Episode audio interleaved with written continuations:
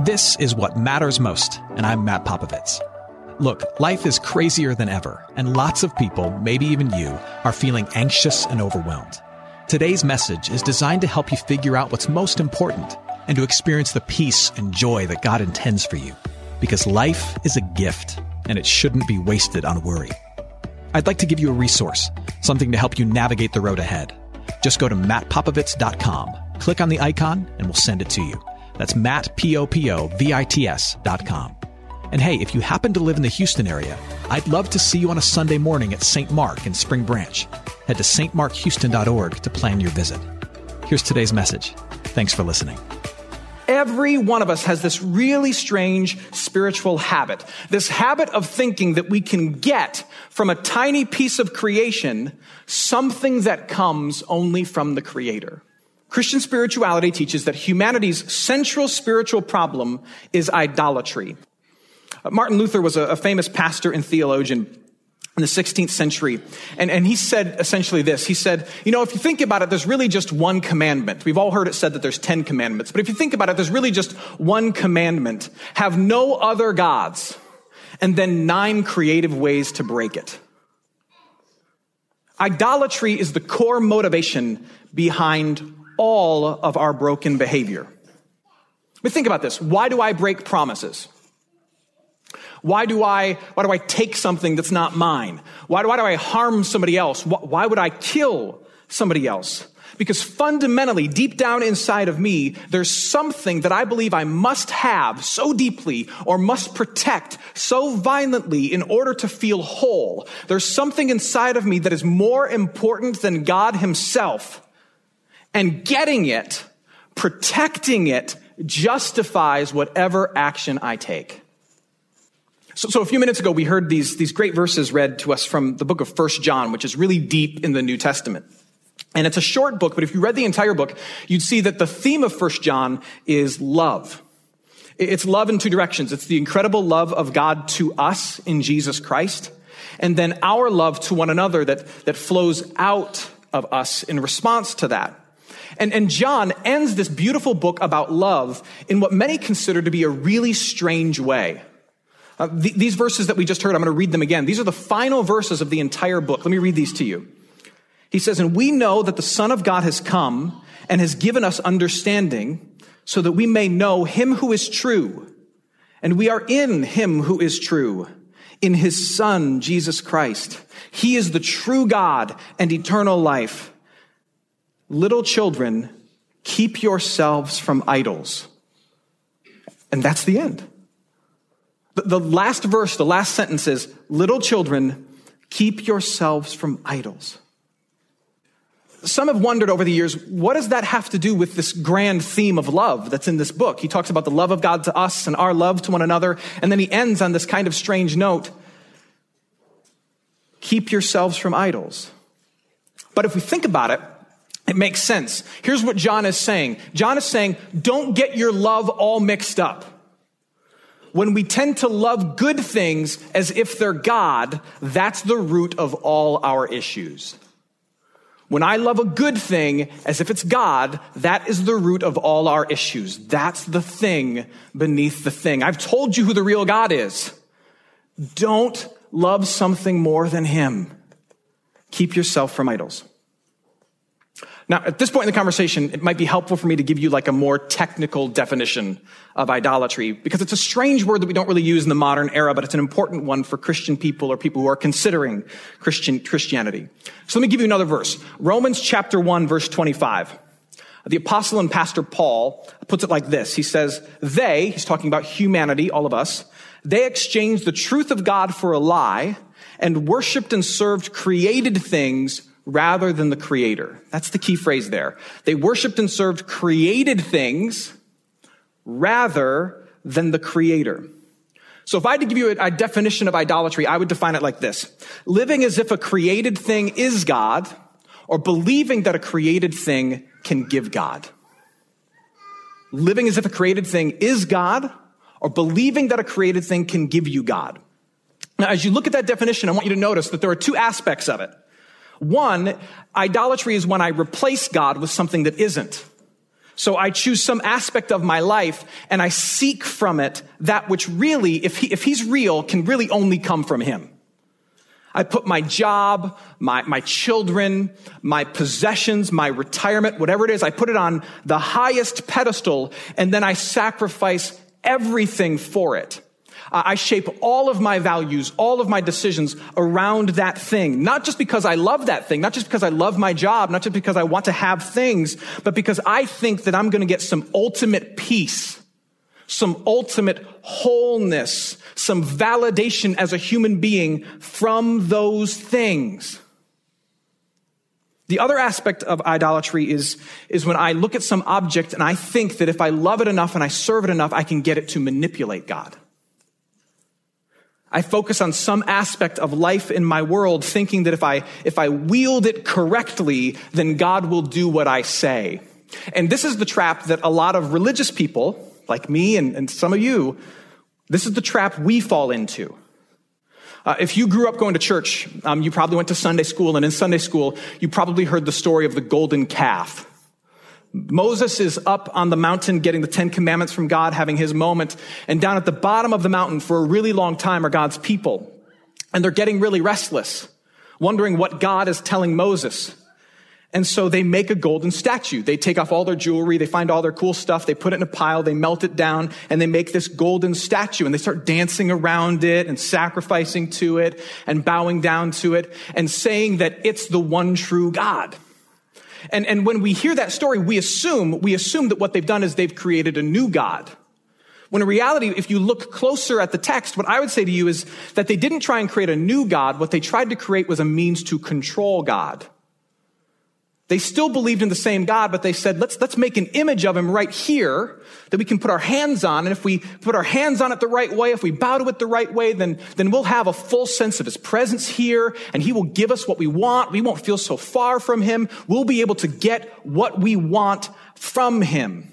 And that's the trap that religious people tend to fall into. A trap that says this, well, if I say my prayers just the right way, or if I give enough money to this good cause, or if I help this person, if I wake up every morning extra early and I do my devotions, then, then Jesus has to give me a certain amount of blessing, right? Then God has to feel closer, right? Then I have to sense him with more power, right? And what the scriptures would lead us to believe is that that, that belief that this created thing can somehow help me control the power and the presence of God, that that is idolatry. So, so something in my life, I hold on to it and I try to replace him or something in my life I hold on to and I try to manipulate him. You see, it's bigger than, than little statues and shrine, shrines. An idol can be an object, it can be a person, it can be an activity, it can be an institution, it can be a hope, it can be uh, a certain people's opinion of you, it can be a pleasure. Anything that I grab a hold of in this life, wrongly believing that if I squeeze it tightly, if I serve it rightly, if I obsess over it relentlessly, it will give to me that which can only come from God, or it will force the very hand of God. That's an idol. Now, if you're sitting there this morning and you're thinking, huh, that's interesting, Pastor Matt, I wonder if I have any of those in my life, then you're asking the wrong question. The question is not if we have these in our lives, but what are these in our lives? You see, I would, I would offer to you that, that idols are like, um, idols are like belly buttons and crazy uncles. Everybody's got one. And some of us have a lot of crazy uncles. I invite you to reflect on three things. If you're not sure of, of what the rival gods to Jesus might be in your life, I invite you to reflect on, on three things. And warning, if you really reflect on this, you might not like what you find because I don't like what I find about myself. I invite you to reflect on the obsessions of your mind, the spending of your money, and the triggers of your emotions. The obsessions of your mind, the spending of your money, and the triggers of your emotions. Let's start with the mind. I found this quote the other day, and it really cut me personally to the core. Uh, Archbishop William Temple was Archbishop uh, in England uh, just shortly after the turn of the 19th to the 20th century. And he said this He said, Your religion is what you do with your solitude. Your true religion, the thing that you really worship, is what you do with your solitude. Uh, you could think of it like this where do, you, where do your thoughts go when nothing else is commanding your attention? Where do your thoughts go when nothing else is commanding your attention? Do you find yourself, whenever your mind has downtime, instantly, like two magnets finding each other, instantly pondering another person's opinion of you, or obsessing over your path to success? Um, maybe it's maybe it's sex for you, or it's it's finding affection. Maybe it's the voice of a particular person from your past. What is it? Where does your heart habitually go to find its worth? Where does your heart habitually go to find its worth? What are the obsessions of your mind? It's a good insight into that which you're holding on to as if it were a God thinking it can give to you that which only can really come from Him.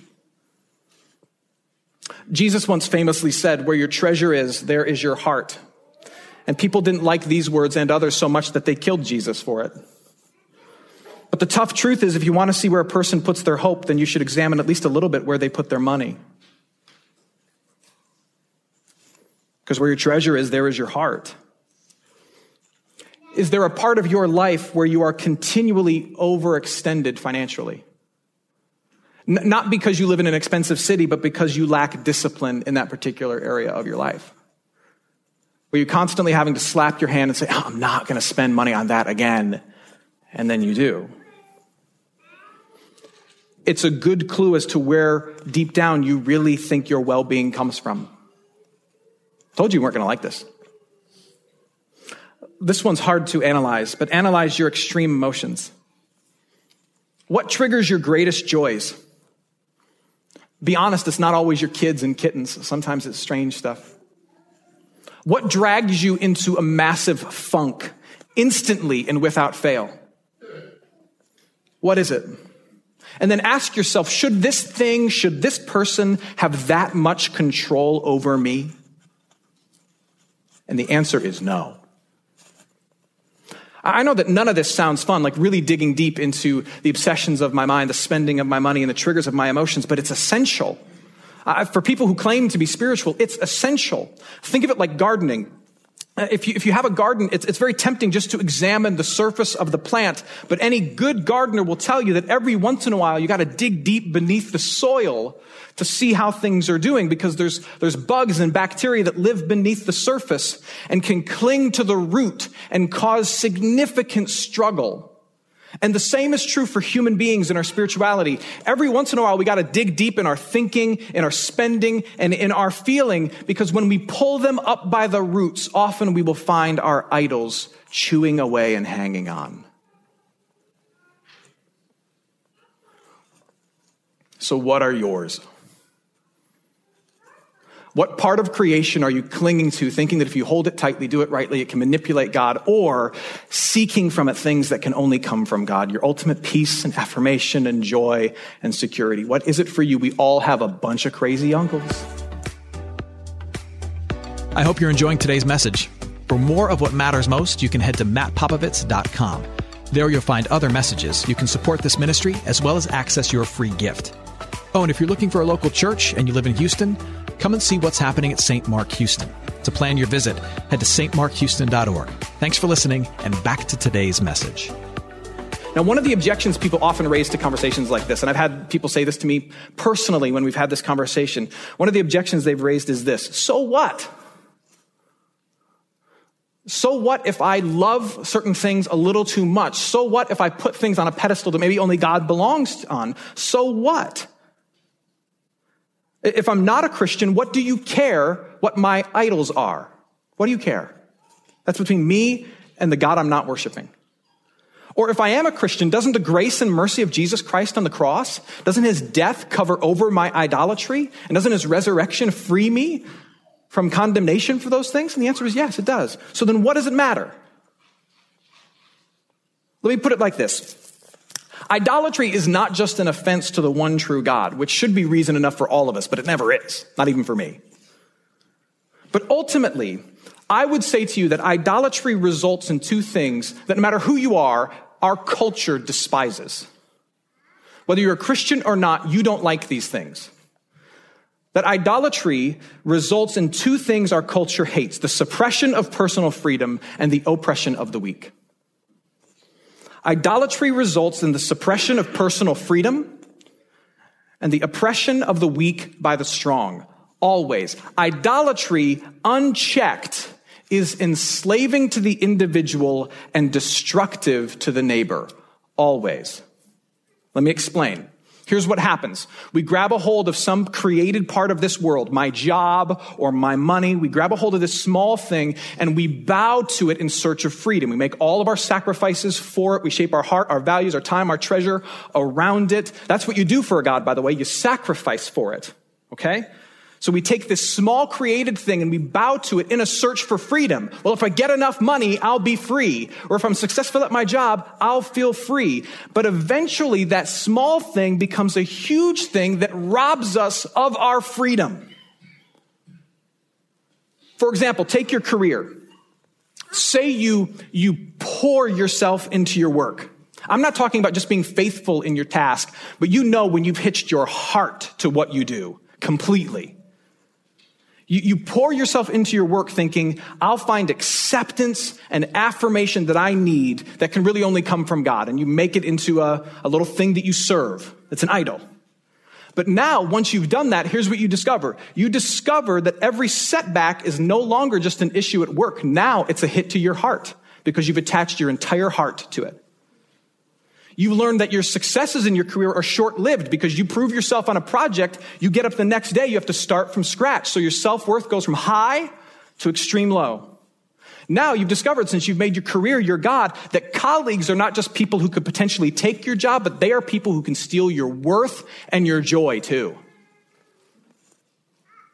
And now all of a sudden, the approval of your boss, the advancement of a fellow coworker now controls what you think and how you feel, and it robs your time when you're not even at work. Your boss who is just a human being, his approval of you, up or down, is not just something that you seek to gain as a worker, but now it controls how you feel as an entire creature. That's too much. The whole scheme backfires. You worshiped your job for freedom, and now it's taken it from you because your boss controls whether you feel good as a person or not.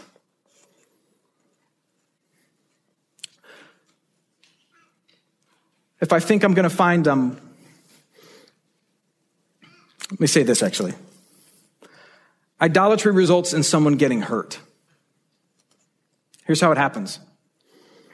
You will either crush the thing you worship under the weight of your expectations, or it will crush you under the weight of its demands. So not only does it suppress personal freedom, but let me say this.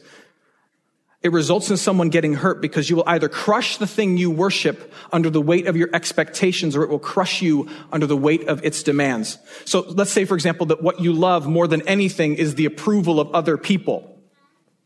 What you love more than anything is people in this world telling you how good you are and how awesome you are. That weight, that God that you hold on to, will crush you under the weight of its demands because there will always be another person to impress. There will always be another crowd to convince then that life of unending service to that God, it will wear down your soul. It will. Likewise, say you put a certain relationship on a pedestal. Do you realize what you're asking of that person? You're asking someone who is not whole themselves to make you whole as a human being. And they can't do it. And their constant failure to make you feel whole will drive you to ask them for more and more and more. And you're not loving them. You're using them and setting them up for failure. And this is the ground where resentment grows and bitterness burns. People get hurt when we worship them and we get hurt when we worship things that aren't God because it crushes us under the weight of their demands. Give me more, give me more, give me more. Or you become the oppressor saying to that person who cannot give you what only God can give, give me more, give me more, give me more. Famous theologian um, uh, Augustine once said this. This is part of a prayer. It's beautiful. He says, Lord, you have made us for yourself. Lord, you have made us for yourself, and our hearts are restless until they find their rest in you. Our hearts are restless until they find their rest in you. If you hold on to something that isn't God as if it is, it can't satisfy you and your heart will remain restless. And if you insist on doing that, you will hold that thing so tight you harm it or it bites back and harms you. And this is why the scriptures use such strong language with idolatry, saying you got to run from it, flee from it. John says, put it to death. Because in the end, not only is, an, is it an offense to the one true God, it restricts personal freedom and abuses other people all the time. I'm going to be totally honest with you because that's my job. This side of Jesus coming back, we don't solve our idolatry problem. We don't even come close. My constant desire to, to put things on, on God's throne that aren't God is not eventually cured or fixed. It is just continually confessed and relentlessly forgiven. Look with me again at 1 John. I love what he says. Before he says, the little children, keep yourselves from idols. Look what he says. He says, and we know that the Son of God has come and has given us understanding so that we may know him who is true. And now he says, present tense, we are in him who is true, in his Son, Jesus Christ.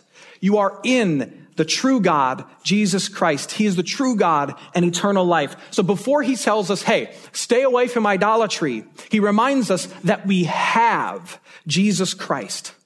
You have him and that he is the true God. You want to give your heart to tiny ones that aren't him, but you have the real one. And how do we know that he's the real one and not another false God? How do we know that he can handle our hopes and our dreams and our needs? That he can give me the meaning and the assurance and the purpose and the love that I long for? How do I know that he can do that and it won't crush him like it crushes my spouse or, or he won't crush me like my work does? How do I know that? Because he took upon himself the punishment of our sin. He took upon himself the payment for our idolatry. And he took upon himself the expectation of every person. The expectation of every person who's ever lived, ever displayed a need for a savior, who's ever cried out for forgiveness, who's ever asked access to God. He put all of that on his shoulders and he let it crush him. It killed him. It crushed him. But then he crushed it back. He crushed it back by rising from the grave. And when you rise from the grave, guess what it does? It proves everything you've ever promised to be true. And he said he was God. And since he came back from the grave, we have to believe him. And he proved by coming back from the dead, he proved that he's capable of carrying the weight of all your God-sized expectations on his shoulders. Jesus Christ has proved that he can carry the weight of your God-sized expectations on his shoulders. Look, your spouse can't carry the weight of your expectations. Your job can't carry the weight of your need for significance. Your children can't bear the weight of your need to feel like a good person, but Jesus Christ can. And life as a Christian is a life of realizing the hard way that you have loved something the wrong way. Here's how you tell an idol from Jesus. A false God will always ask more from you. Jesus, the real God, will always tell you that he is enough. There's the difference. My cross forgives you. My empty tomb assures you my grace is sufficient for you. We are all holding on to something tightly that can't give us what we're asking of it. We are trying to wring meaning and peace and satisfaction out of creation rather than the creator, and it's our bad spiritual habit. So confess it. Admit to it. Remember and hear and believe that there is a God who is worthy of your obsessive love and who offers nothing but grace and mercy to those of us who mix up our loves, which is me. And it's you. Amen. Hey, it's Matt. I hope you enjoyed what matters most. Here's what I need you to know life is a gift, and it shouldn't be wasted on worry. I want to help you figure out what's most important and to experience the peace and joy that God intends for you. So for more content, you can head to mattpopovits.com. That's Matt, P-O-P-O-V-I-T-S dot com. There you can also support this ministry as well as access your free resource, a little something to help you navigate the road ahead. I'd also love to see you on a Sunday morning. If you're in the Houston area, head to stmarkhouston.org to plan your visit.